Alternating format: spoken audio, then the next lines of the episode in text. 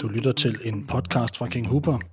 I dag med en af dansk idræts største profiler nogensinde, badmintonspilleren og medlem af Hall of Fame, Peter Gade. Peter Gade har vundet et hav af titler i sin karriere, og han har med sit charmerende væsen samt sit eminente badmintonspil vundet danskernes hjerter, samt en hel badmintonverdens. Gade stormede som ganske ung ind i verdenstoppen, og hans karriere strakte sig over 17 år. Han vandt All England, deltog ved fire OL-slutrunder og høstede derudover utrolige sejre i Østen. Peter Gades mindset har været et studie værd for alle inden for sporten, og man eksemplificerer stadig verden rundt ud fra Nordjydens træningspas. Peter Gade, velkommen til King Huber. Omdrejningspunktet i dag, det er din karriere og din for mig fascinerende tilgang til både din sport og dit liv. Du virker som en mand, der ikke gør noget halvt, og derfor har jeg glædet mig til sammen med dig at dykke ned i lidt af de mekanismer, der har fået dig så langt på så mange planer. Velkommen, Peter. Tak.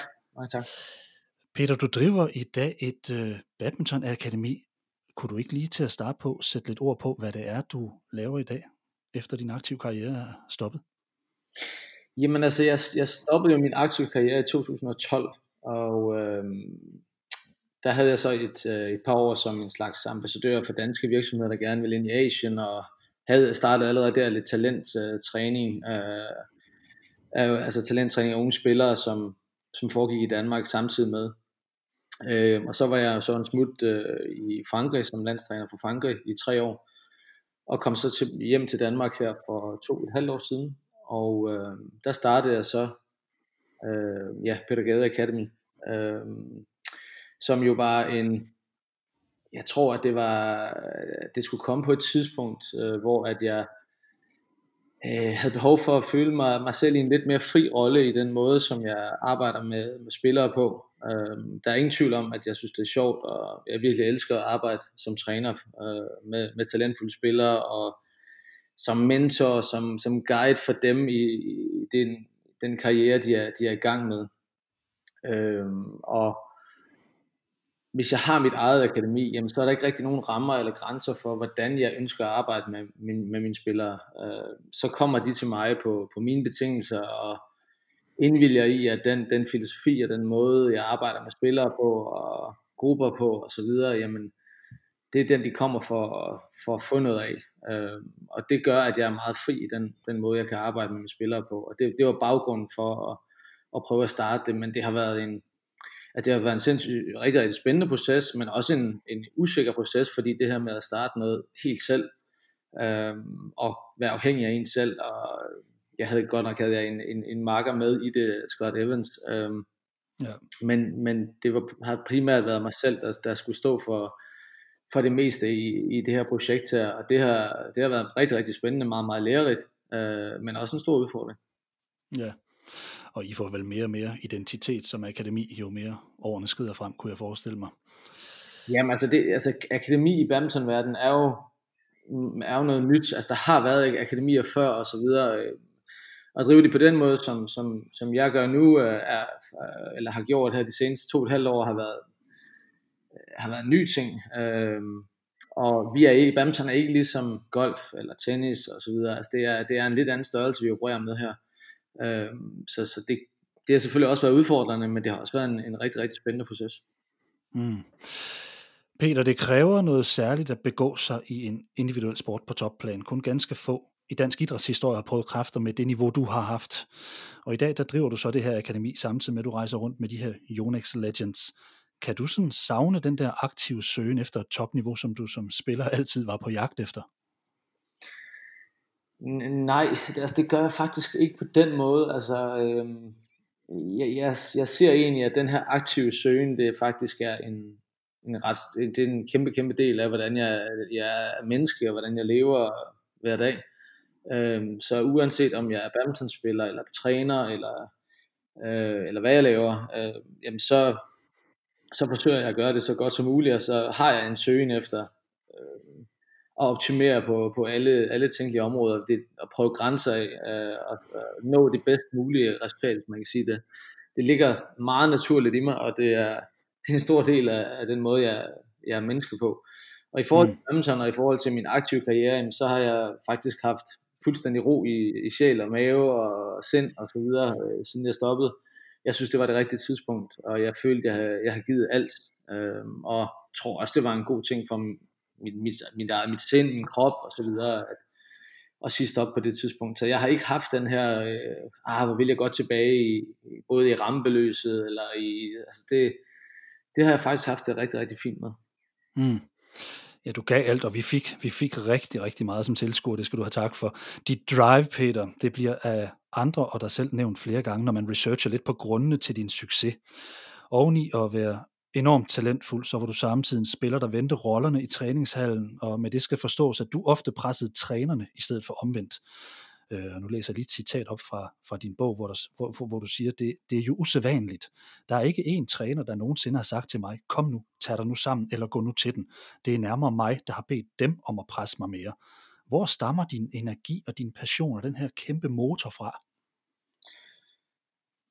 Øhm, jamen altså først og fremmest så er det jo nok noget der ligger øh, naturligt i, i mig øh, og noget der, der selvfølgelig er, er vokset og selvfølgelig har fået øh, endnu mere benzin hvis man nu, man nu snakker om en motor altså i løbet af, af min opvækst og, mm. og karriere og så videre men, men den her søgen efter at, at blive så god som overhovedet muligt til noget Øhm, og selvfølgelig arbejde med sig selv, både fysisk og mentalt, i form af, at det, det er sport, vi har med at gøre.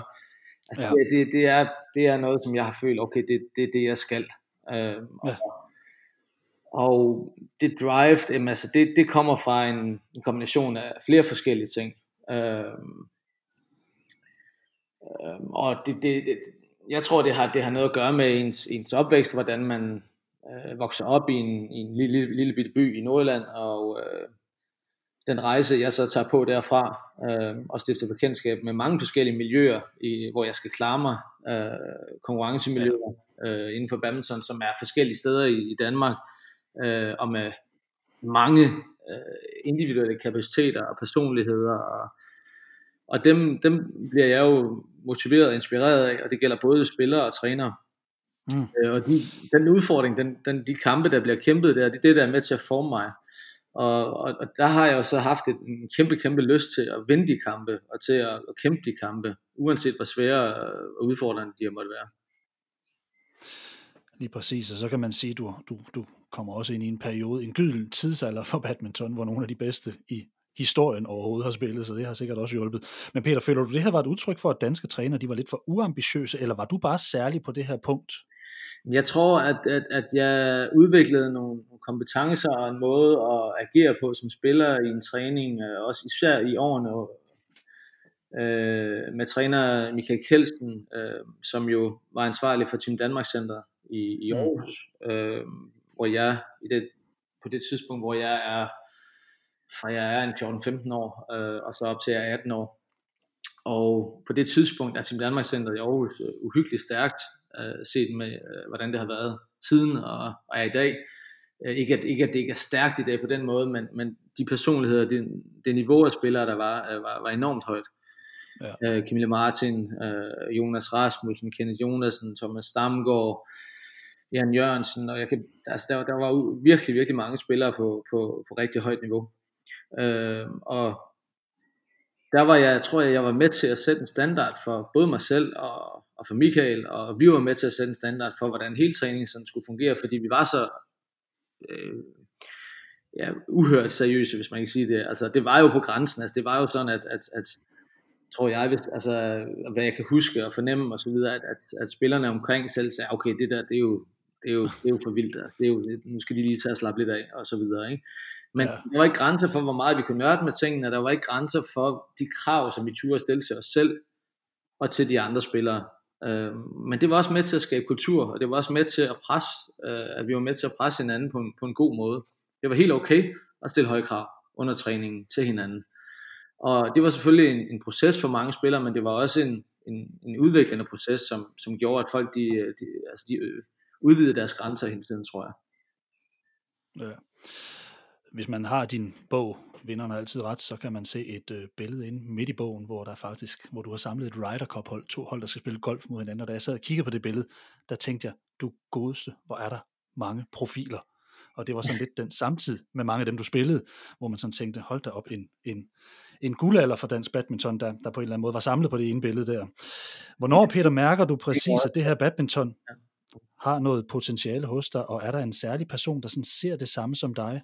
Altså, at du har et særligt talent, eller kommer du lidt selv frem med det? Øh, jeg tror, at det er en kombi af, øh, altså min opvækst øh, er, øh, starter først med fodbold, øh, da jeg er fire, og så badminton, da jeg er seks, i, i det her meget, meget lille lokalsamfund. Og, og jeg er vild med alt med, med en bold, og, og leger med, forskellige boldspil helt konstant. Altså jeg er på en fodboldbane 5, 6, 7 timer om dagen.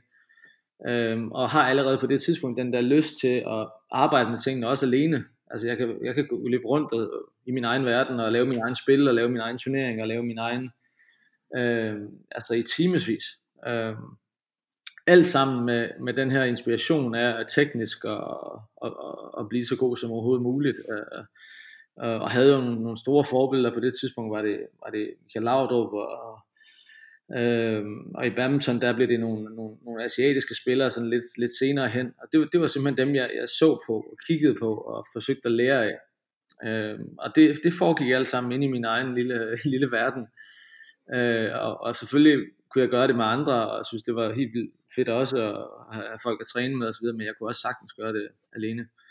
Øh, så, så det, det er nok der, vi skal, til, altså, vi, vi skal tilbage til. Øh, og så sker der så det, at min, i, den, i Terndrup, da jeg bliver omkring en ni år, øh, der får vi en træner i Terndrup, der hedder Carsten Larsen, som på det tidspunkt også er træner i Triton Aalborg.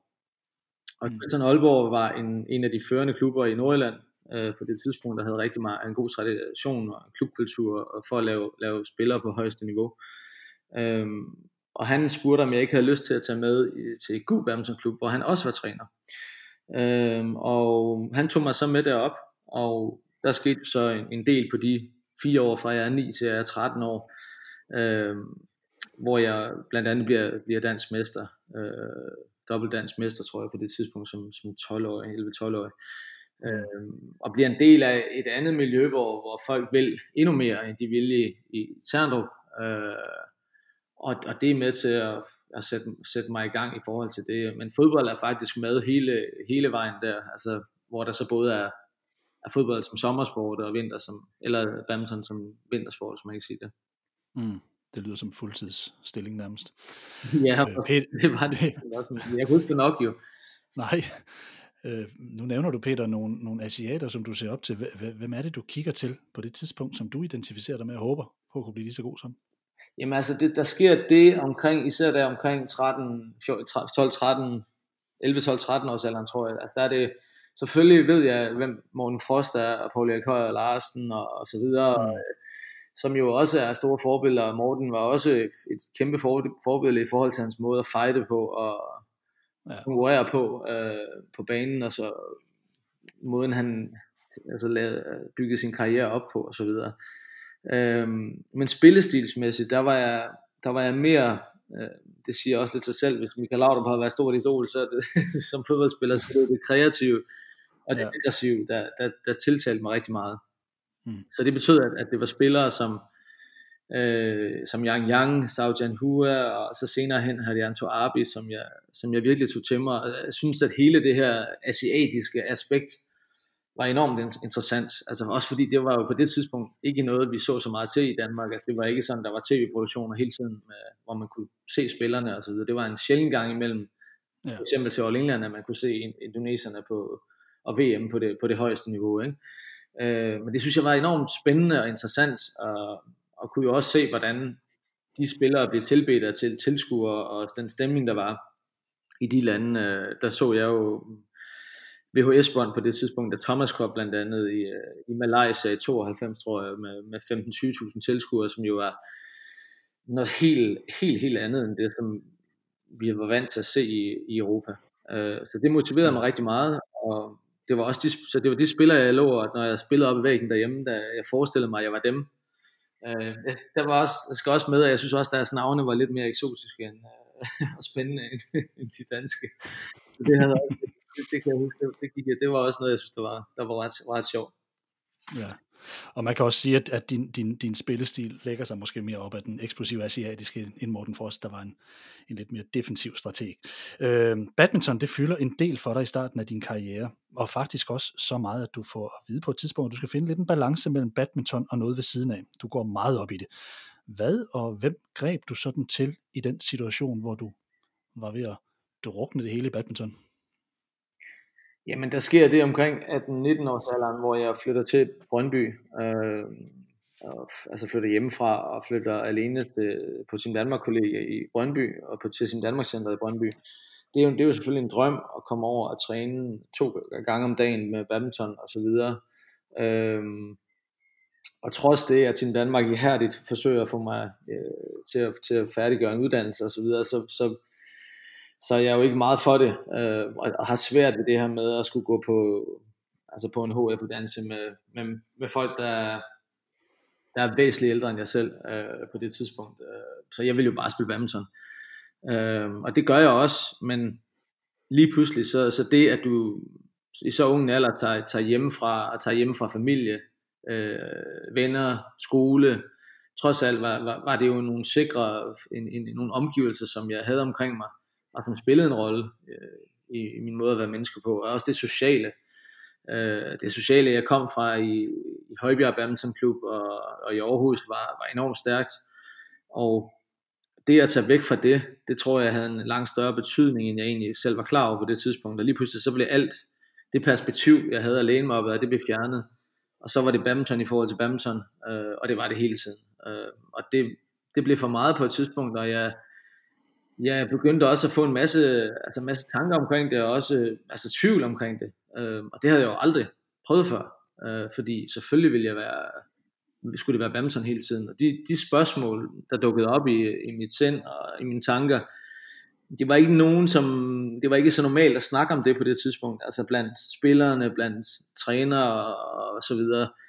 Øh, så der, der, der måtte jeg søge noget andet, og der, der søgte jeg så igennem Team Danmark, der fik jeg så anbefalet en idrætspsykolog, og i det tilfælde var det Jørgen Ravnhold, som, som var den første idrætspsykolog, jeg, jeg arbejdede med, og som han var med til at åbne en kæmpe verden for mig, hvor at, altså de tanker, man havde, som var lidt ude af kontekst, og som måske stak lidt ud i forhold til det, som ens øh, kammerater, ens de andre spillere havde, og så videre, det, dem kunne jeg lige pludselig få afløb for, øh, og fandt også ud af, at det faktisk ikke var at jeg ikke var totalt unormal, eller øh, mærkelig, eller syg, eller et eller andet, øh, fordi jeg havde de tanker. Øh, mm. Og det var, det var virkelig en spændende proces, og, og en proces, som jeg som først startede der, som jeg ikke har sluppet på noget tidspunkt. Det her med at arbejde med min egen udvikling, og hvordan jeg er som menneske, og min eksistens som menneske, via idrætspsykologer, og også via andre, andre mennesker. Mm. Det må også være en svær balancegang, Peter, det her med at skulle dedikere sig så hårdt, og samtidig give slip.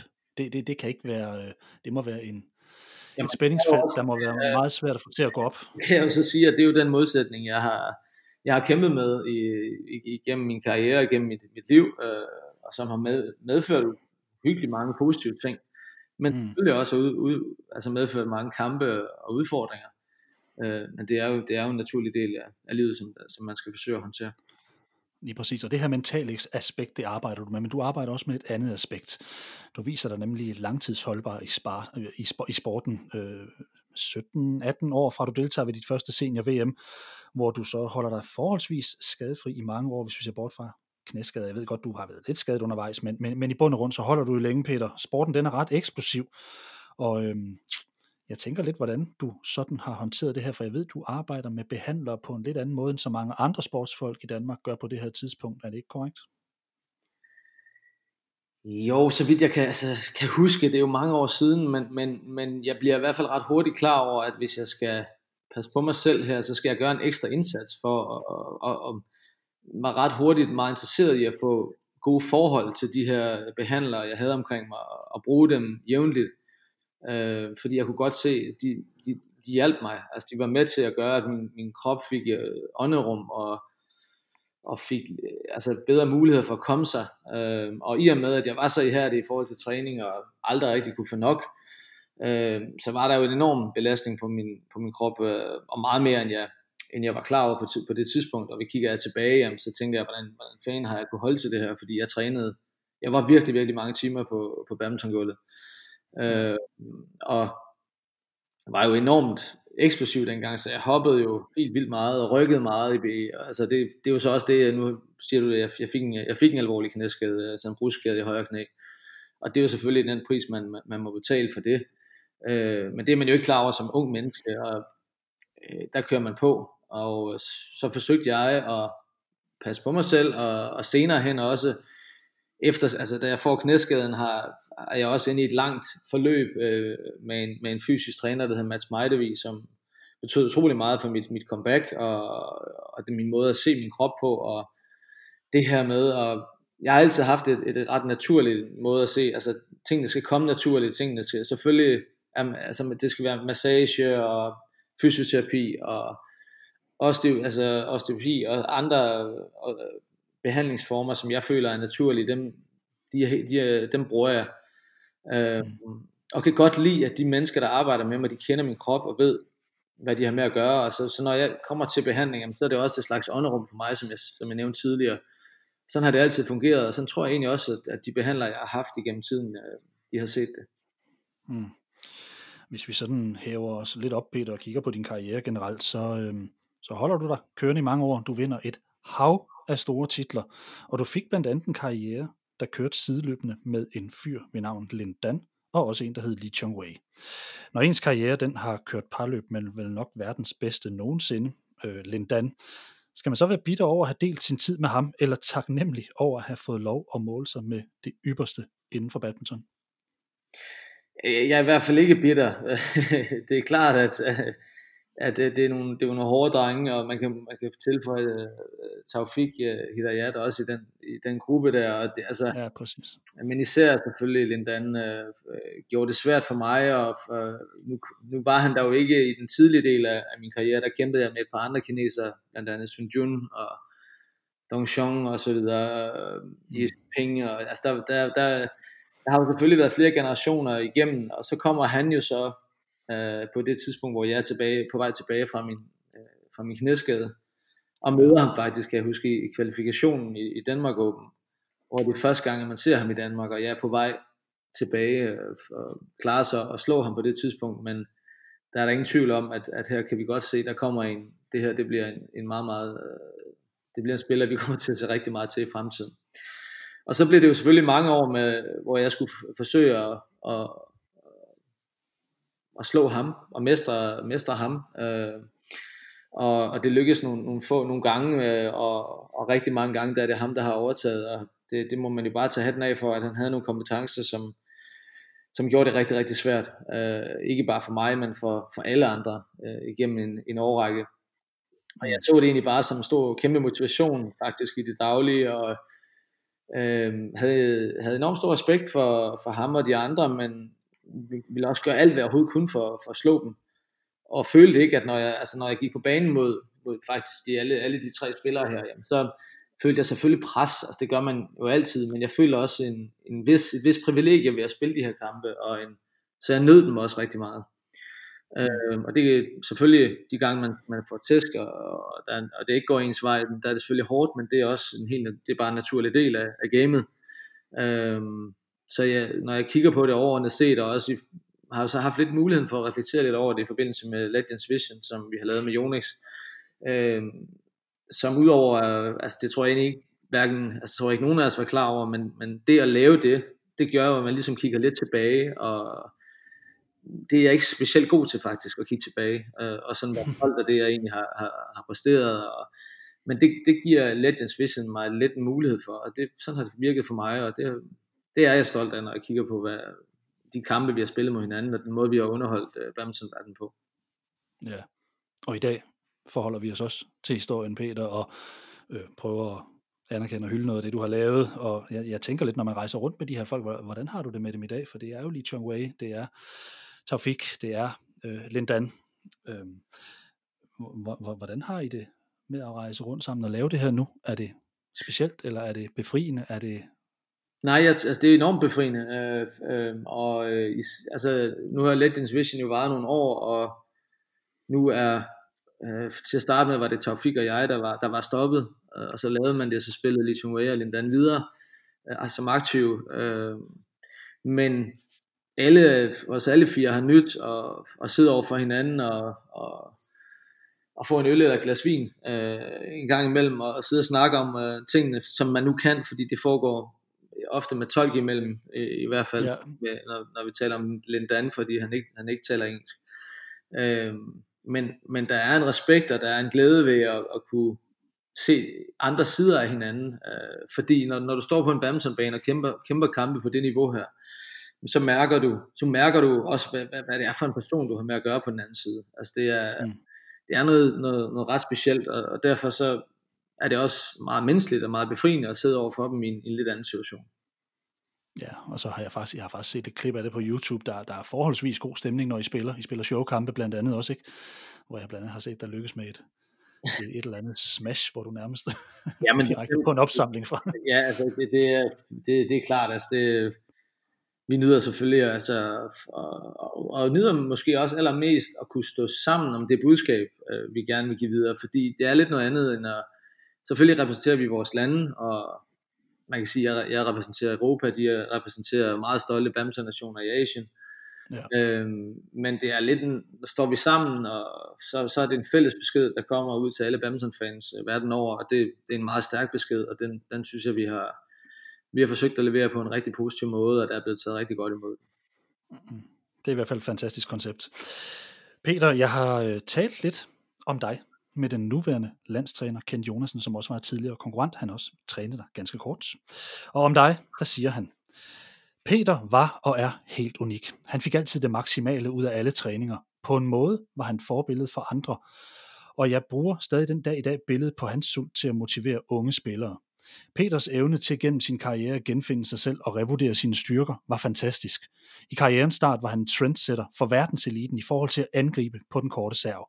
Hans varierede angreb og hans aggressivitet, styrende spillestil dikterede modstanderen og gjorde ham til den initiativrige på banen. Da han blev ældre, tilpassede han sig, og særligt han, hans brug af maskeringer var effektivt.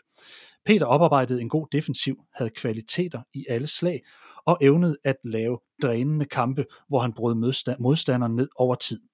Frem for det eksplosive fra tidligere. Noget af det, som jeg som træner tog, mig med, tog med mig fra Peter Gade, var at tænke træninger grundigt igennem. I den korte tid, hvor jeg som træner var i selskab med Peter, blev jeg i en ung træner eller presset ud i at have mål for hver træning, øvelsernes art osv. Det var vanskeligt dengang, men lærerigt og klart noget, jeg har taget med mig fra Peter. Således siger Kenneth Jonasen, nuværende landstræner for badminton-landsholdet, øh, der udtaler, at han er fuld af beundring for det, du har opnået. Det er meget flotte ord. Men hvordan var det, Peter, pludselig at have en tidligere konkurrent som træner? Jamen, først og fremmest tak for de meget pæne ord øh, til Kenneth. Øhm, det, de bærer jo også præg af, det er, meget, det er jo en meget detaljeret beskrivelse, øh, som, som jo bærer præg af, at man har været tæt på hinanden igennem, gennem mange år. Øhm, og jamen altså, jeg, altså, i forhold til at have kendt som træner, altså det, det havde det faktisk, øh, som, som, jeg, som jeg husker det, rigtig fint med. Øh, det er selvfølgelig specielt, når man har, har stået så tæt på hinanden, men altså det, det giver også nogle, nogle muligheder, det gør også, at der er en, en forståelse for nogle ting, og en respekt, som, øh, øh, så, så den, den havde det ret, ret fint med, havde prøvet det med Thomas Stue Lauritsen også, øh, i, i, i nogle år forinden, hvor Kenneth også havde været, været ret tæt på der, øh, også som aktiv. Og så, øh, jeg synes, det var en god proces, og jeg synes, vi havde nogle, nogle ret gode oplevelser sammen, blandt andet at slå Lindan, øh, kan jeg huske, i, i Swiss Open. Ja. Øh, så, så det, ja, altså jeg vil jo altid udfordre, og det, det, det vil jeg gøre som spiller, og jeg vil udfordre Kennedy, at han, at han skulle finde, finde veje til, og også nok i de her øvelser her, altså at, at det vi lavede, jamen det skulle have et formål, øh, øh, så alle spillere på banen var klar over, hvad det var, øh, hvad det var, vi skulle her, for at kunne, kunne gøre det så optimalt som muligt. Øh, og, og det galt sådan set i, ja, i, de, i de fleste sammenhænge, og, og så, så tror jeg også, at det, det, den fordel, det giver at være, at være tidligere spiller, der er så tæt på, det er jo, man ved godt, at, at, at man som spiller ikke altid er lige i det, i det allerbedste humør, det allermest tilgængelige humør. Altså der, der, man skal acceptere nogle gange, at spillere de har, de skal have behov for lidt rum og lidt plads, og det er ikke nødvendigvis fordi de ikke er, vil snakke eller er meget negativ, det er fordi man er i sin, sin zone. Øhm, mm. og, og, og, og den synes jeg også Kenneth havde en, en god fornemmelse for, for at forstå, og brugt brug de, de ting, han kendte til mig på en, på en god måde. Ja, Kenneth har siden, sidenhen blevet, øh, i hvert fald udviklet sig til at, at blive en meget, meget succesfuld landstræner. Det kan vi jo så, vi, vi, vi kan tillægge dig lidt værdi der, Peter. Skal vi ikke gøre det? det, er, det synes jeg er Kenneths egen fortjeneste. Ja, ikke også. Men Peter, du har vundet en del. Du har 22 Grand Prix og Super titler. Du har VM sølv, 4 VM bronze, 10 EM guld, 5 i single og 5 med holdet, 10 DM titler, hvilket er rekord i Danmark, og så vinder du All England i 1999. Og så går der faktisk 20 år, før en dansker igen står øverst på den skammel, bare for at vise, hvor svært det er i den turnering. Den turnering, den fylder meget i danskernes bevidsthed, og det samme det gør OL og VM. Føler du nogle gange, at der mangler lidt indforståelse hos Badminton Danmark af, hvor stort det også kan være at vinde en turnering i Østen? Japan Open, China Open, Indonesia Open, Malaysia Open, Korea osv. Nogle af dem, som du har taget, som er umådeligt svære på udebane, langt væk hjemmefra. Øh, det ved jeg ikke. Altså, jeg, i dag er det en lille, lidt, altså i dag er det nemmere for et badminton-fan og for, for danskerne at følge med i, hvordan, hvordan det går, de, altså vores danske spillere i Asien.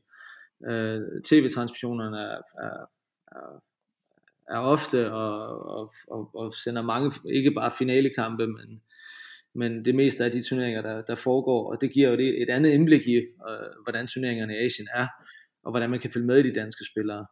Øh, så dengang havde man selvfølgelig, altså der var det selvfølgelig noget, der foregik lidt uden for, for rækkevidden, øh, og for radaren måske, men, men jeg ved ikke, om jeg savner en forståelse for det. Altså jeg, det var en af, et, af, et af mine mål med, med min badminton-karriere, og jeg glemmer det nogle gange, når jeg kigger tilbage, men jeg, jeg havde et mål om, at jeg gerne ville være den her hvide mand i Østen, tror jeg. jeg kan huske et, et gammelt, et gammelt udklip fra en artikel, jeg, jeg, øh, som, som min mor havde gemt. Øh, og der stod der blandt andet, øh, at jeg havde udtalt det. Øh, og det kan jeg jo godt huske, når jeg kigger tilbage på det. Og, og det var fordi, at det her med at vinde turneringer i Asien, det var, det var enormt svært for danskere og for europæere. Øh, både på grund af tilskuer, klima, forhold og så videre. Der var der nogle andre udfordringer, der gjorde sig gældende, end, end vi har spillet i England for eksempel. Øh, og det synes jeg var enormt interessant. Det, det, var, det var et fedt, et fedt mål for mig at have. Øh, og derfor måske også fordi, at jeg, derfor, derfor gik det mig måske også godt i nogle af de turneringer, fordi at det var, det var noget, jeg altid har drømt om og, og rigtig gerne ville. Mm. Og jeg har jo talt lidt med, med Jim Laugesen om, omkring det her, blandt andet øh, med, hvordan den danske forståelse er. Han er jo lidt fortørnet over nogle gange, at, at man skal helt op og vinde de helt store turneringer, før at man egentlig både reagerer i den danske presse, men også i det danske badminton-publikum. Han har måske en lidt anden holdning til det, end du har. Men, men, øh, ja, jeg tror, det, jeg tror, det som, som, som Jim tænker på her, det så sammenligner vi med lidt med andre idrætter, for eksempel. Altså, øh, det her med at vinde en, altså det vil jo, at vinde Japan, ja, Japan Open vil jo svare til, nærmest til at vinde en, en Grand Slam øh, i tennis for eksempel. Ikke? Øh, ja, præcis. jeg er ret sikker på, at det, at det ikke vil blive behandlet på helt samme måde. Men altså, jeg synes nu i dag, synes jeg, at mediedækningen er, er ret flot af badminton. Og, og så, så jeg synes, at de danske spillere, de har, de, har, de har muligheder for at promovere sig selv, de har muligheder for at også den måde, som sociale medier foregår på i dag. Altså der, det giver lidt andre betingelser for, hvordan de kan, kan skabe deres egen karriere. Lige præcis. Og apropos din karriere, Peter, hvornår følte du dig sådan bedst i din karriere? Hvornår følte du, at din, din krop og dit hoved spillede sådan helt sammen på bedste vis? Jamen altså, det, det, det, er jo det er et meget interessant spørgsmål, som jeg faktisk, altså jeg synes, det er et rigtig godt spørgsmål, som jeg ikke tror, jeg har fået før. Øh, men det giver rigtig meget mening, fordi at, at, at det jo selvfølgelig handler om, at det handler om en menneskelig udvikling, det handler om nogle, nogle sports, altså nogle, nogle tekniske, taktiske kompetencer, man udvikler, fysiske kompetencer. Hvornår, hvornår rammer det, øh, altså hvornår er det i, i send, han har sagt, øh, og, ja. og det, det er sjældent, at alt bare er rammer. det, øh, og det er svært for mig at kigge tilbage på og så sige lige præcis der, der, der, der. Øh, men det ved jeg ikke. Altså, jeg, jeg synes, at der, at der er perioder, hvor det, hvor det gør det, øh, som er uafhængige af hinanden. Også blandt andet, da jeg kommer tilbage fra min, fra min knæskade i 2004, spiller All England, øh, er i finalen mod Lindan. Øh, mm. det, det, er noget af det, det, det, synes jeg er noget af det, af det bedste badminton, jeg, jeg har spillet. Øh, VM i Anaheim, øh, som jeg tror er i 5. Og efterfølgende, at jeg slår Lindan på hans hjemmebane i 2006, øh, og bliver nummer et i verden igen. Altså de år, mm. de er, der, der synes jeg, at jeg, altså det er også, især også det her med, at jeg evner at komme tilbage efter en, en alvorlig brudskade. Det er der ikke specielt mange spillere, der, der har gjort, slet ikke i Helsinki. Øh, så det, det var jeg ret stolt af, at jeg, at jeg kunne gøre. Der synes jeg, at jeg leverer et, et, et meget komplet spil. Øh, fordi jeg jo ikke kan være helt lige så eksplosiv som tidligere, men også må udvikle nogle andre øh, kapaciteter. Ja, og det er så den tilfredshed, man har som atlet, som vi som tilskuer måske ikke kan se. De langt de fleste vil sikkert sige, det må være, da du vandt All England. Men det handler faktisk om, ja, netop, altså, hvor, hovedet, hvor hovedet og kroppen fungerer optimalt. Ja, sammen. og så siger jeg All England uh, for 99, altså så, så er man jo i den helt, uh, det er en meget, meget ung version af en selv, man ser, og uh, en version, som, som jo er meget anderledes i, uh, altså i 2006, i 17 år efter. Ikke? Mm. Øh, altså det, er jo, det, det, det er jo mange år, hvor man, hvor man udvikler og lægger på og så videre. Ikke? Undskyld, det må lige igen, det er selvfølgelig ikke 17 år. Nej, det er det. Ja. men, men, men, men Peter, du lægger på og lægger på og lægger på, og du vinder og du vinder og du vinder, øh, på trods af, at du er en del af den her badminton guldalder med de her helt store legender. Og du bliver faktisk også her i Danmark, du får en flot anerkendelse og bliver optaget i Hall of Fame, Sportens Hall of Fame. Hvordan havde du det med den anerkendelse, da den kom? Jamen, jeg havde det faktisk ret ambivalent, fordi øh, selvfølgelig var jeg enormt stolt af, øh, at, øh, at jeg fik den anerkendelse og, og blev optaget. Øh, altså, det kom faktisk som en, ikke sige en overraskelse, men, men jeg, jeg følte jo ikke, at i og med, at jeg ikke har vundet øh, verdensmesterskabet eller OL, øh, som jo er, er nogle af de ting, som, som man bliver målt på, øh, udadtil i hvert fald. Øh, og i sportens verden, og, hvilket er helt naturligt. Øh, så, så ved jeg ikke, om man kan sige, at jeg var en lille smule overrasket, men, men virkelig beæret over og stolt over, at man anerkendte øh, min, min karriere og det, jeg havde betydet for, for badminton og for sport i Danmark og så videre. Det var jeg virkelig, virkelig glad for, og det er jeg stadigvæk og, og meget stolt over. Og, og så havde jeg den, den anden del var ligesom, at jeg jo havde sagt farvel til min egen aktive karriere, og for at være helt ærlig, så nød jeg faktisk at være lidt væk fra, fra rampelyset, og, og lidt væk fra, fra hele tiden, altså det der med, at man bliver vurderet, og, øh, og det, det åbner det her jo selvfølgelig op for igen på det tidspunkt, og ja, det var ret voldsomt det her med at så træde tilbage igen og ind og skulle fejres på den måde, hvor, hvor alles fokus var, var på mig og mine resultater og min karriere. Det, det var ret voldsomt faktisk, øh, men, men, men også en, en fantastisk øh, oplevelse. Ja, og en af grundene til, at du sikkert bliver valgt, er jo ikke kun dine resultater. Jeg tænker også, at, at idræts personligheder på den måde, at det, det også spiller ind på en eller anden måde. Det er jo også derfor, du sidder her i dag, Peter. Du er interessant både som idrætsmand og som menneske, og det er vi glade for. Din karriere, Peter, den må have været meget taknemmelig for den indstilling, du altid har haft til tingene. Du har tidligere udtalt, at du har altid haft lyst til at presse dig selv hver dag i alt, hvad du laver. Det er et tilbagevendende tema. Selv i Ludo, for eksempel.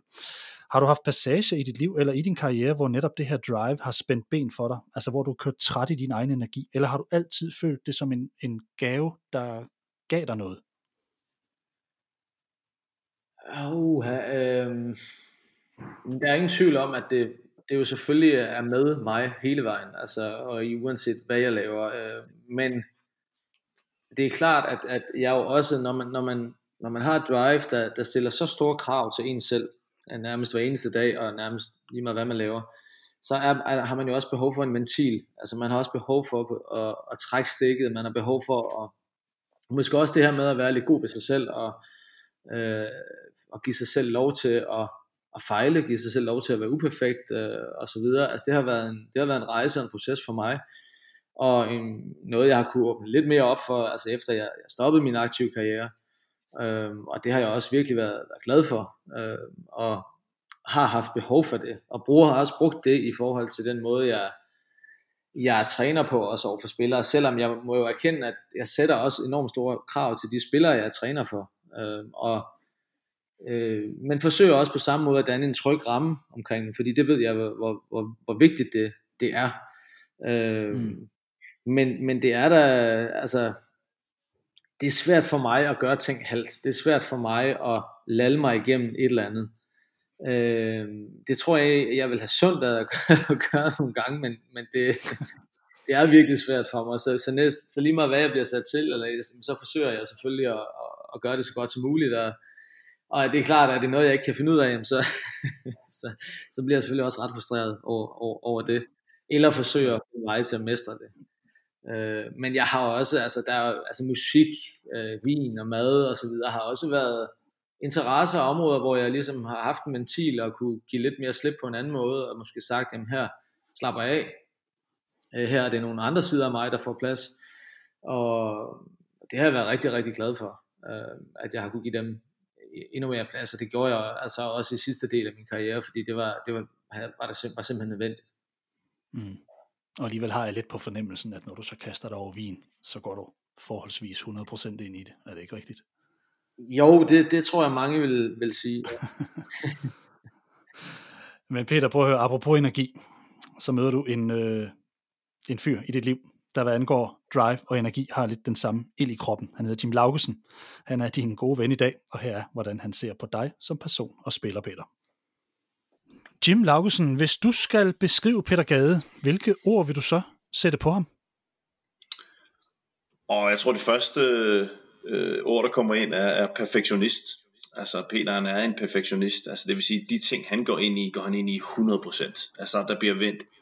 Eller der er ikke en sten, der kan vendt, øh, når det er noget, der interesserer ham. Og det kan være lige fra selvfølgelig badminton til, til rødvin, til mad, øh, til, til venskab også. Øh, der, der, der er det altså, det, det her, den her perfektionisme, tingene er gjort øh, fuldt ud. Øh, det, det, det er sådan, jeg vil beskrive øh, øh Gade. Og kan du komme lidt mere ind på, for dig, hvordan kan man være perfektionistisk omkring et venskab? Jo, men det kan man jo gøre at stille krav til et venskab. Altså, hvad er det, man, man giver, og hvad er det, man tager? Altså, det ikke kun er en, øh, hvad skal man sige, sådan halvoverfladisk øh, øh, venskab, men altså, at, at, at man, øh, man, man bliver bedre til at vi bliver venner på en eller anden måde. Man kan sige, øh, øh, der, der, der er Peter på, på samme måde, øh, men, men som han var med, måske med sin sport på en eller anden måde. Øh, men, men i hvert fald, når det kommer til, til mange af de ting i livet, så, så er det, at han gør tingene ordentligt. Øh, og han ikke, hvad hedder sådan noget, han finder ikke øh, den lave ende af hegnet og hopper over. Øh, han, øh, han gør det perfekt. Mm. Så godt, som man nu kan, som man selv mener selvfølgelig. ja, det er klart. Hvad synes du sådan adskilte Peter fra de andre badmintonspillere, som du har set, hvis vi sådan lige holder den på det spillemæssige? Jo, jeg vil ikke sige, Peter havde den, den, den hele pakken. Altså man kan sige, han havde det her, som jeg jo i dag siger, at det aller, aller vigtigste, det er det her for at blive god i sport, jamen så er det et træningstalent. Altså det er jo 99 procent af det. Det er jo at ville hver morgen komme op og blive bedre. Øh, hvor man kan sige, hvor jeg stod op og, Øh, glæde mig til min cornflakes med en masse sukker på, ikke? så tænker jeg ikke et sekund over, øh, hvad jeg skulle lave til træning. Det var der nogen, der gjorde for mig. Der var han allerede i gang, da han stod op med at øh, optimere sin træning, og hvad skulle han ud af det i dag? Øh, det er jo det, som, som var, var med til at adskille ham, øh, og sætte standarder også i dansk badminton. Øh, at det er sådan, det er jo sådan, det fungerer nu, og det har Gade været med til. Det tror jeg er en af grundene til, at han også er i Hall of Fame, det er simpelthen den standard, han har sat til, hvordan man i hvert fald som herresingespiller skal begå sig på, på højeste niveau. Øh, det ved jeg i hvert fald inden for Team Danmark, at man også har sat meget pris på den, det modspil, den sparring, man har fået fra Peter Gade. Øh, så der adskilte han sig meget. Så selvfølgelig en helt unik boldtalent, øh, som, øh, som jo som jo skal være med, altså hvor man tit ser den trænede spiller, som måske mangler lidt på, på, på fornemmelsen for bolden, så havde han hele pakken. Øh, men stadigvæk der vidste han godt, at der var ting, der skulle arbejdes på. Så en meget, meget komplet badmintonspiller. Ja, så kan man sige øh, omkring det her med træningerne, der udtaler Peter jo selv på et tidspunkt, at der er trænere. Han har ikke simpelthen ikke oplevet en træner, der sådan pressede ham hårdt nok. Det var altid ham, der nåede at presse, presse tilbage først. Har du været en del af hele de, altså de seancer, som, som nogle gange udspillede sig, hvor Peter måske ikke var helt, helt tilfreds med, med, med, med det, der foregik?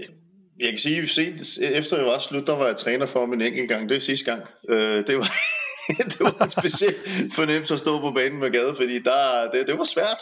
Og det er jo, fordi han ikke bare øh, makker ret og nikker, øh, men stiller, stiller spørgsmålstegn ved de ting, der sker. Det tror jeg, det er svært for mange trænere.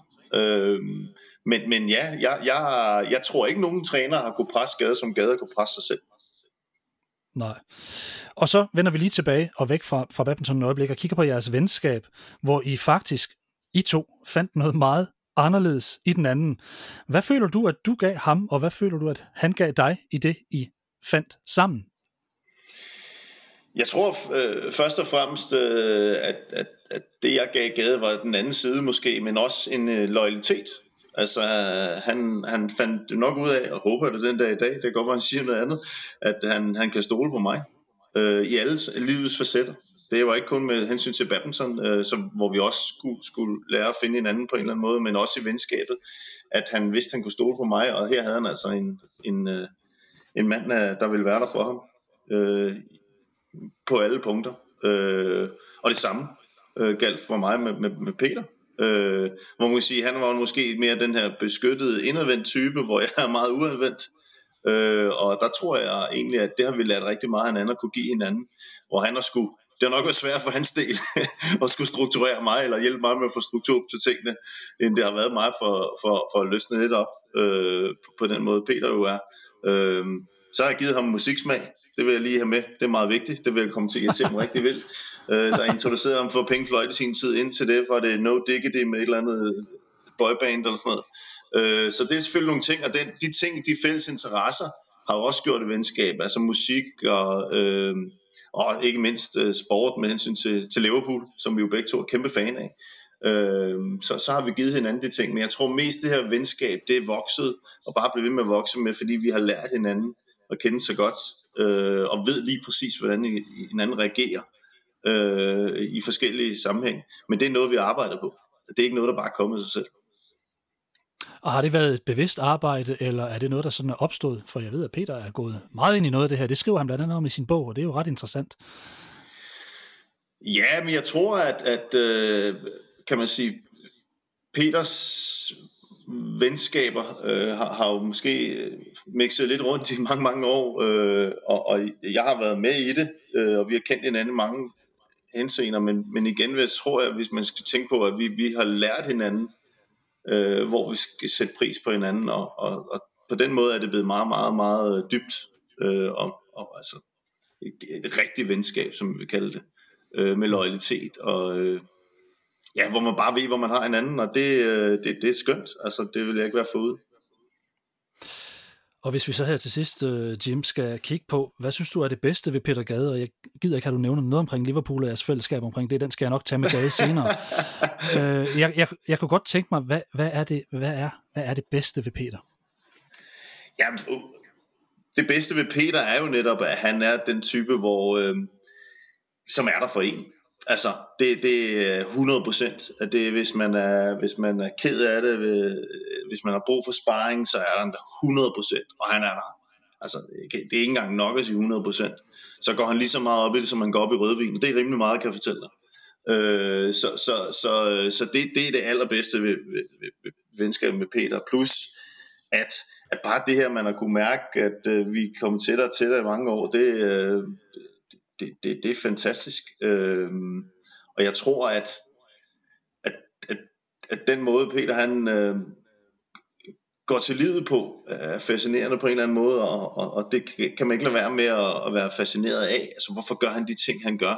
Øh, hvorfor går han så meget op i det, lige det der? Øh, hvor, man, hvor jeg er meget mere løs, det, det har jeg slet ikke tænkt på. Ikke? Øh, men det tror jeg, det, det, det er noget af det, han bedst har givet mig også. Peter, Jim Laugesen, han skænker dig nærmest musiksmag og redder dig ud af en boyband-suppe, som han siger. Har det noget på sig, eller soler kongen af de afbalancerede nederlag sig en smule i et grumset lys her? ja, det, det, det synes jeg faktisk er, er en helt okay uh, boyband, ved jeg måske ikke helt, men det, det er måske lige at presse den. Men ja.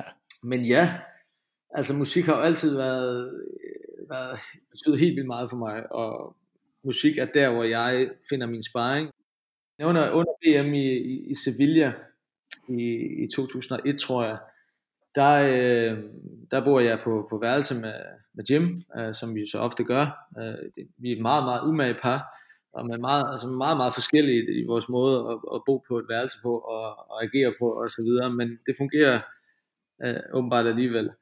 Øh, men under, den, under VM her, og jeg tror det sker under den første uge, hvor vi spiller hold VM, og øh, der, der, der præsenterer han øh, Pink Floyd for mig, bandet Pink Floyd, og øh, lynhurtigt, eller ja, med det samme, så er det som om, der sker et eller andet, og vi snakker om det, og, og jeg bliver ved med at lytte til det, og, og det åbner så en kæmpe verden for mig i forhold til Pink Floyd, og også en, mange afledninger derfra de, de næste mange, mange år. Så, så han, har det, han, har, han har lidt ret i det, han siger. Mm. Hvor er du hen musikmæssigt i dag, Peter? Jamen jeg er der, at musik er en kæmpe stor del af min hverdag.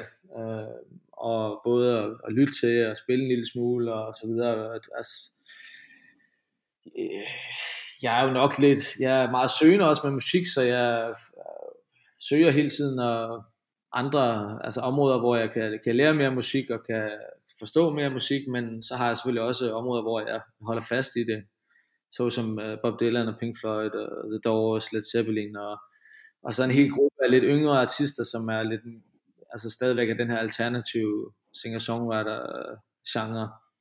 Ja. Og jazzen er også kommet på de, de senere år. Øh, så ja, jeg elsker musik. Fedt. Jim, han fortæller også, at I øh, sammen udviklede jeres venskab enormt. Øh, hvordan kan to mænd, der er så forskellige, få enderne til at mødes? For som du siger, vi har meget forskellige måder at bo på værelse på, for eksempel. Altså, du har mere orden i tingene og en struktureret tilgang til udfordringer, mens Lauke jo er mere følelsernes mand, uden en plan A, B eller C, når han stopper om morgenen. Og jeg skal lige hilse at sige, det er stort set hans egne ord her. Hvordan får I det her til at lykkes? Jamen, det har vi også spurgt os selv om mange gange. Øh, jeg har nok spurgt mig selv lidt mere end nej, men Jamen altså, jeg tror, at det er fordi, at øh, jeg jo som, som ven, øh, som trænerkollega også for, for Jim, og som øh, altså, eller spillerkollega igennem tiderne, og konkurrent også i vores tidlige øh, alder.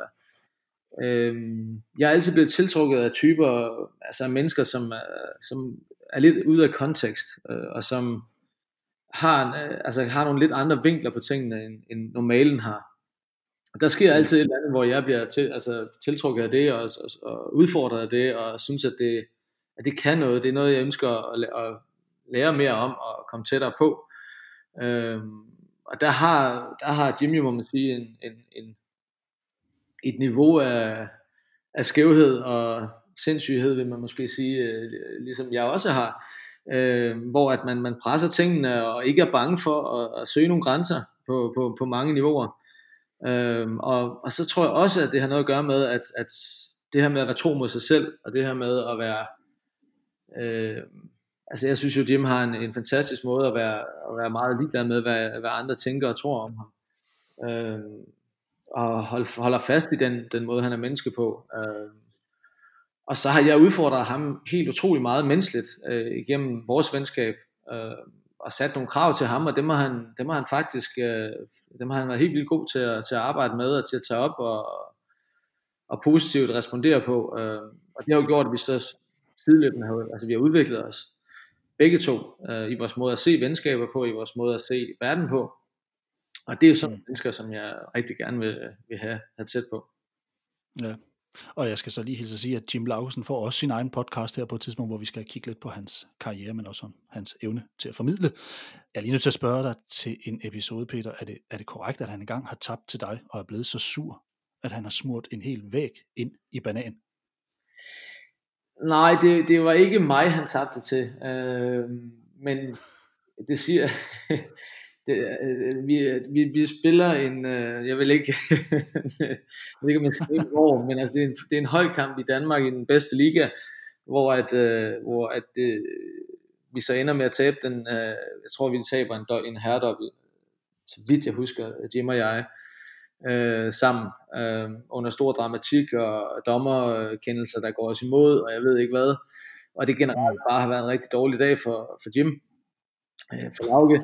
Og, øh, da vi så tager, tager afsted, og øh, lige pludselig så kommer der, så finder man ud af i, i den pågældende klub, hvor vi er, at, øh, altså, hvem er det, der har været ude og, og, og klaske en banan op af en dør og smøre den ud og så videre. Og jeg vil selvfølgelig ikke lyve, fordi jeg med det samme tænker jeg jo selvfølgelig kun en person, øh, men jeg ved jo ikke, det er Jim. Øh, så, så jeg spørger ham kort, øh, uden at der er andre, der hører det, er, er det dig? Og der, der er et lavgested, og Jim stadigvæk sur, øh, og sådan lidt, altså, så han er lidt inde i sin skal, altså, nej, det er det, det er det bestemt ikke, og så videre. Og så sker der så det, at han et par timer efter ringer til mig på, på telefonen, og, og kryber til korset og, og siger, det var mig, det, og lad, lad lige være med at sige det til nogen. Det har været tungt. det, det, det gjorde jeg selvfølgelig heller ikke. Men sagde til ham, at han selv skulle håndtere sagen og, og få fat i den og sige undskyld, hvilket han så også gjorde. Så ja, det, det er jo måske et meget godt eksempel på, hvordan, øh, og jeg tror, jeg tror, vi føler, at vi har et kendskab til hinanden, hvor vi ikke, vi ønsker ikke at skjule ting for hinanden. Altså det er, vi accepterer, at man har skæve sider, man har uperfekte sider, man laver fejl i tilværelsen. Og i de processer, der har man behov for nogen, der er tæt på en, og som, som, som bakker en op, og som er der for en, og det, det er sådan vores forhold er. Det jo godt, du kunne vejlede ham i det rette, Peter, og han evnede at udføre det. Peter, i, øh, i 2012, der udgiver du bogen Vinderen har altid ret. Bag på bogen, der skriver Ulrik Vilbæk, en hudløst ærlig bog om en superidrætsmand på godt og ondt. Den er interessant, fængslende og velskrevet. Det er flot ord fra Vilbæk, men hvad tror du egentlig, han samt den generelle læser opfattede som det onde i det udtryk, der stod på godt og ondt fra bogen? Jamen altså, den her bog her, som i øvrigt skal man huske de tre prikker, efter vinderen altid har ret. De er ikke tilfældige. Mm. Øhm, så de betyder ret meget. Øh, ja. Jeg ved ikke, hvor, hvor tydeligt det budskab er kommet frem, men det, det, det var egentlig op, ja, det er meget tydeligt, det, det, det var egentlig op til læseren selv at vurdere det, men, men lad mig sige sådan overordnet set, så den her bog, som jeg jo har skrevet i samarbejde med en, øh, en forfatter og en journalist, der hedder Christine Wilkens, mm. øh, blev skrevet på et tidspunkt, hvor jeg færdiggjorde min, min karriere, øhm, og samtidig også gik igennem andre ting privat og menneskeligt, som var nogle ret store ting. Øhm, og, og det er bare, det er bare et bogen også præg af, altså det, den bare præg af, at jeg havde kæmpet, kæmpet mange kampe, at jeg havde øh, haft en tid, hvor at, øh, at der var mange udfordrende øh, timer, stunder, øh, og derfor så, så kom de meget frem. Altså jeg var, jeg, at leve et badmintonliv på den måde, som jeg har gjort, så, så er der, det er et enormt pres, man, man, man lever med og, og, og, og fungerer under. Jeg tabte ikke til en europæisk spiller i 11 år, øh, hverken i, i holdkampe eller i, i turneringer eller noget som helst. Øh, det, det gør jo også, at man, at man, man, man har et, et kæmpe, kæmpe pres, og selvfølgelig også enormt selvtillid i forhold til, til nogle områder, men, men også et, et kæmpe pres for at hele tiden at skulle præstere, ikke, ikke fejle. Altså, det sekund, man taber, så, er man, så fejler man. Øhm, og, og det er, det er toft at, at, være oppe på det niveau i, i, i så mange år. Og det, det har sin pris. Øh, og det gør også, at, at det kan også være svært for folk at være med på sidelinjen, venner, familie, øh, koner, kærester og så videre. Øh, så, så mange af de kampe, som jeg kæmpede i, i de henseender, de er også beskrevet i bogen, den berører jeg i hvert fald. Øh, ja. Så når jeg kigger tilbage på den bog, også da jeg, da jeg sad over for Christine Wilkins første gang, og vi snakker om det her, altså jeg, jeg var egentlig modstander af, at jeg skulle lave en bog. Jeg havde ikke lyst til at lave en bog i, i mange år, var blevet spurgt om det af flere omgange, af flere forskellige, og så havde jeg overvejet det og sagt nej tak. Øh, og her sagde jeg ligesom til Christine, okay, hvis vi skal skrive en bog, så bliver det ikke en, en, en easy uh, fanbog-agtig uh, underholdende ting.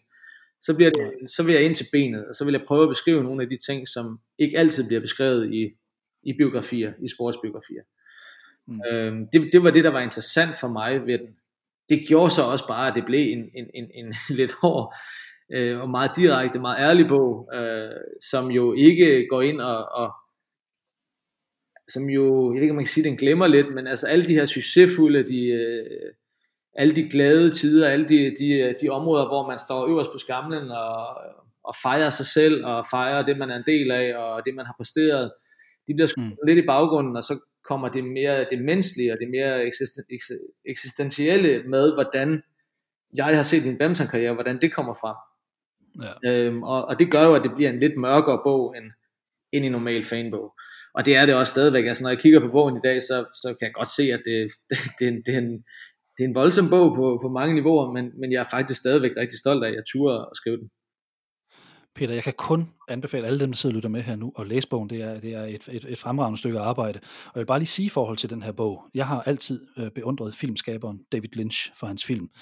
Han ønsker aldrig at gå for meget ind i sine egne film og forklare og afsløre. Værket ligger der til fortolkning. Og jeg havde en lille smule på samme måde opfattelsen af din bog, at den ligesom blev smidt frem som et værk over personen Peter Gade, efter jeg egentlig ikke rigtig følte, at du havde den store trang til at skulle sidde i Godmorgen eller Godaften Danmark eller et eller andet øh, show og krænge din sjæl videre ud. Er det korrekt opfattet? Ja, det, er, det er 100% øh, korrekt. Altså, jeg håbede jo nærmest ikke, at de, at de, at de synes, at selvfølgelig var der elementer, de, altså sladder, sladder delen, som, som de ville tage ud af bogen og fokusere mm. på, og det var der også nogle journalister, der gjorde. Ja, ja. Um, og jeg er ikke, jeg laver ikke ting, jeg har aldrig været en person, der deler sådan nogle ting i, i pressen, og, eller vil, vil, vil, vil være hård ved mine omgivelser i pressen og så videre. Altså, det har jeg aldrig fundet særlig interessant. Øh, og det, det er klart, når man så udgiver en bog, så bliver man jo nødt til at forholde sig til det, fordi man selv skriver Mm. Øh, så det var, det var en af de negative ting ved det, som vi selvfølgelig var klar over, øh, Christine Wilkens og jeg, da vi, da vi lavede bogen. Og så måtte man så prøve at få, det med på bedst mulig vis, øh, og det, mm. det forsøgte jeg. Men du har ret. Altså, det var, med, det var en bog, der, skulle, der, der er op til fortolkning, og jo også stiller det helt store spørgsmål, hvor at jeg, jeg jo har levet i den her verden, hvor jeg skal vinde hele tiden. Øh, ja. Men jo også har forsøgt at få andre budskaber frem i det, min måde at se badminton, se sport, se, uh, se sportsverdenen på. Mm. Øhm, og det må så være op til andre at vurdere, om, om jeg er noget at få det budskab frem til folk, ikke? Men, øh, men det føler jeg faktisk, jeg har. Mm. Hvad er du mest sådan stolt eller glad over at komme med i bogen?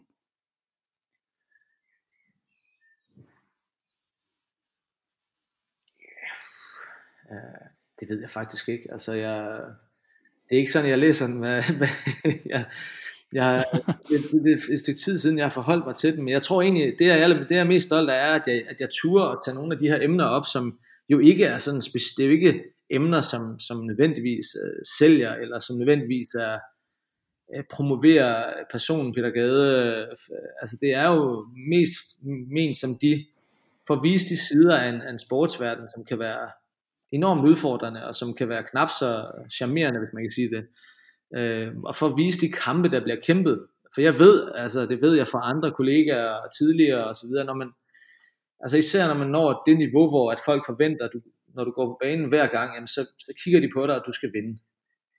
Øh, mm. I en sport som badminton, hvor vi har så stolte traditioner, hvor at det at vinde i Europamesterskab, det, det er nærmest en selvfølge. Øh, ja. Og i andre idrætsgrene, der, der er vi altså der, der, bliver vi mod, der bliver man modtaget på, råd, øh, på rådhuspladsen, hvis man vinder et Europamesterskab. Ja. Jeg ved godt, der er forskel på, på, på idrætsgrene, og hvordan, øh, hvad kan man sige, det, det her spørgsmål om tradition og kultur, og hvad der er normalen og alt det her, ikke? Men, men det er altså, det er enormt store krav, der bliver, der bliver sat her, du har at gøre med en individuel sport, hvor du står alene på badmintonbanen. Du har ikke nogen at læne dig op ad. Altså, hvis det går skidt, så er der kun en at pege på, og det er dig selv. Mm. Øhm, og de kampe og den måde, man, man, man udvikler sig på menneskeligt og personligt igennem sådan en karriere, det synes jeg var interessant at prøve at få frem. Øh, prøve at få, få forskellige sider af det, af det frem. Også hvordan, øh, måske også at fortælle lidt af det her med, hvis du, hvis du vil hele vejen i sådan en elite idrætsverden, som jeg har været en del af, så kommer du ikke, kommer ikke helt op, hvis ikke at du er lidt unormal, hvis ikke du er lidt øh, hvis du går over grænsen, hvis ikke du, altså du skal presse citronen så meget på, på mange niveauer, at, at det bliver svært at holde sig inden for, for, det, for det normale, for det pæne, for det, og så videre. Ikke? Mm. Og lige præcis en af de her sider, Peter, kunne jeg godt tænke mig lige at, at berøre lidt her. Der er et billede i din bog, og det øh, skal du vide, det rører mig enormt meget, det billede. På side 72, der kommer der en billedserie, og på et af de sidste billeder, der sidder du og krammer din datter Nana efter en kamp i Danmark Open i 2011. Hvordan håndterer man som top idrætsudøver nærheden som far, når man samtidig offrer så meget tid på sine egne mål? Jamen altså nærheden som far har, øh, synes jeg egentlig altid har ligget mig sådan ret, ret naturligt. Øh, men det er klart, at den personlighed, jeg har, jo selvfølgelig også skinner igennem som far. Altså, så jeg, øh, øh, jeg, det skal du selvfølgelig spørge mine døtre om, men, men øh, og hvordan de ser mig, og det vil mine, mine nærmeste venner og så videre, familie jo også kunne sige, hvordan jeg er som far. Men, men mine børn har altid været enormt vigtige for mig, og jeg er sikker på, at de rent faktisk har fornemmet og mærket mange flere ting, end jeg tror igennem, igennem min karriere. Især, især min ældste datter Nana, som, som jo øh, har oplevet mest af min, af min karriere. Øh, og sjov nok, det, det billede, som du nævner, øh, som jo, jeg har ikke en, en kopi af det, selve det billede, øh, men jeg har faktisk et maleri, som er lavet over det billede. Og det er faktisk Nej, det eneste, det er stående lige bag ved mig nu, hvor vi sidder og snakker. Mm. Der er ikke et eneste badmintonbillede, eller en medalje, eller en pokal, eller noget som helst stående fremme. Øh, men jeg, det billede har jeg trods alt fremme, og det, det er fordi, det, det var et meget specielt øjeblik, øh, og, og jeg, jeg tror, at Nana havde en forståelse for, hvor jeg var på det tidspunkt, og det var en ret hæftig oplevelse, tror jeg, på hjemmebane i Danmark Open, hvor det ikke lige var, var, var, var foregået, som jeg havde, måske havde drømt om og håbet på. Og, mm. og det viste hun en, en enorm stor forståelse for på det tidspunkt, og det, øh, ja, det, det ramte mig virkelig meget lige nu ud. Øh, så, øh, og, og, altså, jeg har jo altid været, altså det, det her med, at, at, at, at man snakker om at blive forældre, og, det, og, og, og blive far, og det, det har også været en meget, meget specielt for mig, og en kæmpe, kæmpe oplevelse, og kæmpe ting i mit liv. Øh, men det gør jo ikke, at jeg, altså min agerighed for at vinde en badmintonkamp, og, og for at præstere på badmintonbanen, forsvinder jo ikke, fordi jeg er far. Nej. Øhm, og, og så, så nogle gange, det her med, når folk omtaler, nu, nu er jeg blevet far, nu er alt andet lidt lige meget. Altså, øh, øh, det gør, at man har en anden refleksion på tingene, i, i, men jeg har jo stadigvæk samme lidenskab for det, og det gør stadigvæk lige så ondt, når jeg taber en kamp, som, som det altid har gjort. Hvis ikke, jeg, den, den lidenskab skal jeg jo have. Øh, mm. og, og det tror jeg egentlig også, at, at, at, at mine børn har, har haft en forståelse for. Jeg tror også godt, de ved, det er, det er ikke helt normalt. Altså det, det er lidt... Øh, og, og, og, så er det så op til dem at vælge, og der har de jo, der har jeg helt sikker på, at hvis du, hvis du spurgte dem, at de vil have, at de er meget ambivalent med det, altså, fordi de har set, hvor ondt det kan gøre. Og de har set, hvor, hvor, hvor hæftige krav, der bliver stillet, og jeg har stillet til mig selv. Ja. Hvor der er så lille et rum til at kunne at være en, til at kunne være en succes, når du er helt deroppe. Og det er jo det der, det er det, der bliver presset, det er det, der bliver svært at leve op til igen og igen. Og det er der, hvor ens, ens perfektionistiske krav til sig selv, de bliver så enormt høje, at det, at det bliver svært at tillade sig selv, og, og ikke altid lige ramme, ramme plet, hvis man kan sige det. Mm. Men det er vel også der, hvor den absolute succesfølelse findes, når man så rammer. Ja, altså, øh, det, det er måske noget af det, jeg skulle have været bedre til, det var at, at, at, at glæde mig lidt mere over det, når tingene gik, gik godt, hvor jeg altid var god til at sige, jamen, okay, nu har jeg vundet her, jeg skal vinde det næste. Øh, mm. jeg, det skal jeg gøre endnu bedre, det skal jeg forsøge at gøre, og så videre. Ikke? Øh, mm. det er meget sjældent, jeg har taget, altså efter at have vundet en turnering, har, har taget to uger, hvor jeg øh, går i byen og fester med mine venner for at fejre, at jeg har vundet og det var måske netop grunden til, at du nåede så langt. Ja, det er jeg med på. Men øh, jeg, ja. jeg kunne måske også godt have været, været lidt bedre til at glæde mig over, over, over nogle af de succeser, som jeg, som jeg havde. Mm. Men apropos billeder, og det er jo sjovt, at jeg lige rammer det billede, så har jeg et andet billede også øh, i mit hoved, når, når jeg sådan er færdig med din bog, og det er sådan, når, man, når jeg tænker dig og dine børn, så er det det billede fra jeres sommerhus, når I løber gennem klitterne, en eller anden umiddelbarhed. Det er, det er meget smukt, det, det kan jeg faktisk også godt lide at tænke på. Øhm, og når du, Peter, i din bog beskrives i samspil med dine børn, så har der sådan en glæde og en umiddelbarhed over det. Det er lidt noget andet, når vi taler om dine venner. Øhm, ikke at det er negativt på nogen måde, men, men Thomas Damgaard beskriver dig i din bog som en fyr, der kommer med et tryk. Og han siger faktisk, dengang jeg var yngre, var jeg faktisk ikke klar til at håndtere Peter på den måde. Du beskriver også selv, at du er krævende over for dine omgivelser, da du ikke stiller dig tilfreds med de her overfladiske venskaber. Det har vi vel lidt inde på. Hvad føler du egentlig, det var, du fandt, da du satte det hele i nyt gear og ville udvikle på dine venskaber? Hvad gav det dig, Peter? Jamen, jeg tror, at jeg, jeg i en ret tidlig alder, altså det, man skal også huske på, at jeg jo grundet badminton øh, kommer til at omgås mennesker, som øh, fordi at jeg har det niveau, jeg har, øh, så i de klubber, i Højbjerg Badminton Klub, og senere hen også, altså der omgives jeg jo, omgås jeg jo meget mennesker, som og personer, som er ældre end jeg selv. Øhm, og og det, det tror jeg er med til sådan ret, altså til, til at sætte en udvikling i gang menneskeligt, og i forhold til, jeg, jeg ser selvfølgelig mange ting, oplever mange ting, jeg rejser rundt omkring i verden, jeg, øh, jeg er søgende i, i mange forskellige sammenhænge, og, og finder ret hurtigt ud af, at, at det overfladiske og, og så videre, det, det, det interesserer mig ikke rigtigt. Jeg vil, gerne, jeg vil gerne ind til benet, jeg vil gerne ind der, hvor at, at jeg kan mærke en ægthed, og jeg kan mærke en, en originalitet i forhold til, hvordan mennesket er, og hvad det gerne vil. Øh, og der finder jeg den, den, den reneste form sådan for kærlighed og connection og, øh, mellem to mennesker. Og, og det, der sagde jeg simpelthen til mig selv, at livet er simpelthen for kort til at bruge tid på, på for mange øh, overfladiske øh, ja, venskaber, forhold osv. Og, og det, det startede den rejse, og, og det, det lyder sådan meget hårdt, og, men det var en proces, hvor jeg egentlig, som egentlig handler om at lytte til din, din mavefornemmelse, lytte til, hvad du inderst inde føler er, er den rigtige vej. Øhm, og, og så fokusere endnu mere tid på, på dem, som virkelig betyder noget for dig.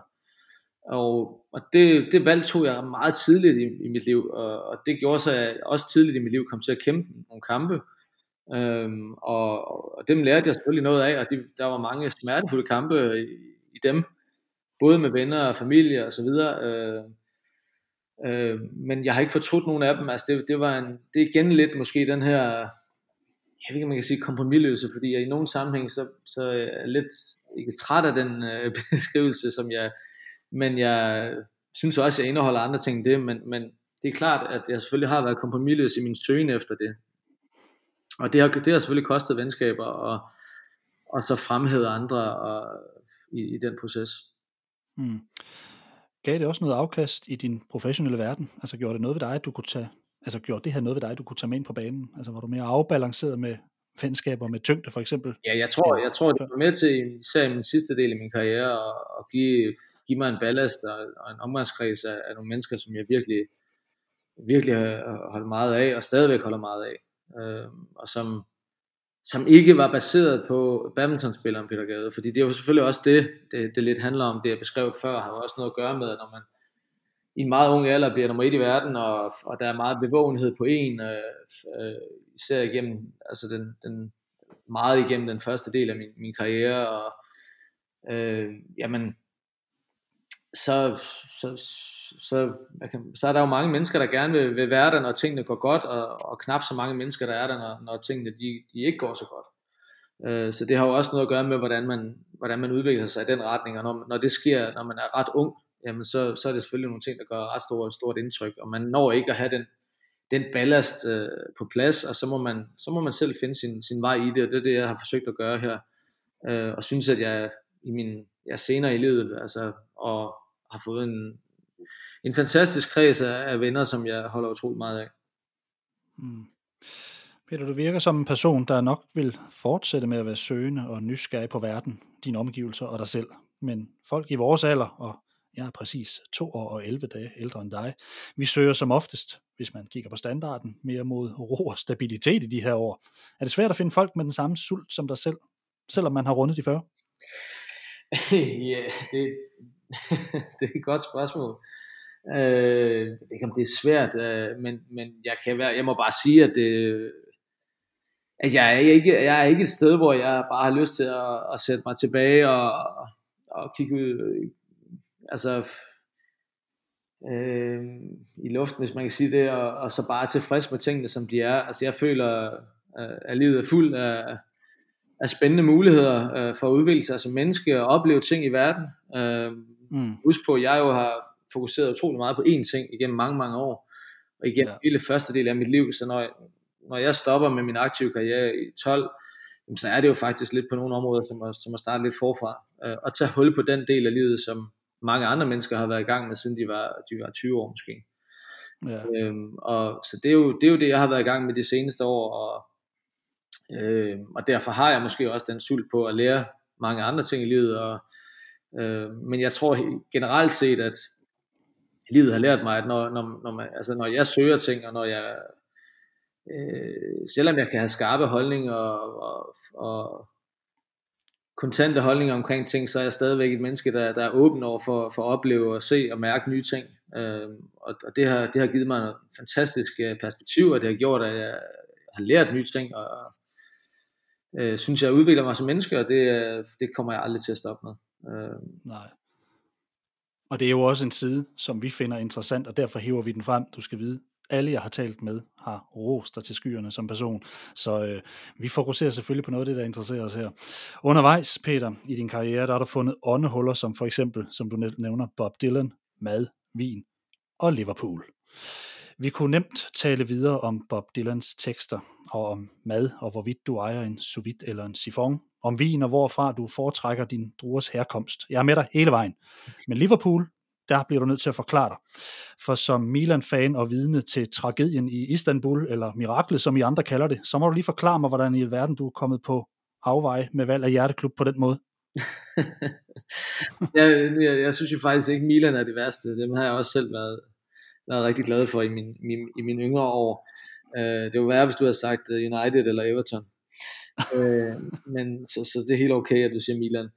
Men nej, uh, det startede faktisk, da jeg var 6 år gammel, og fodbold var stort for mig allerede på det tidspunkt. Og min far havde en, var på en rejse til London, uh, og der på det tidspunkt var Liverpool det, det dominerende hold i Europa, og de vandt stort set alt, tror jeg, hvad de rørte ved. Og Mm. Øh, der, han vidste jo, at jeg var vild med fodbold, og vi fulgte med i de spillere, der, der, der var på holdet på det tidspunkt. Det var Kenny Dalglish og Ian Rush og så videre. Øh, og der tog han øh, en lille pakke med et, et, et krus og et halsterklæde med hjem.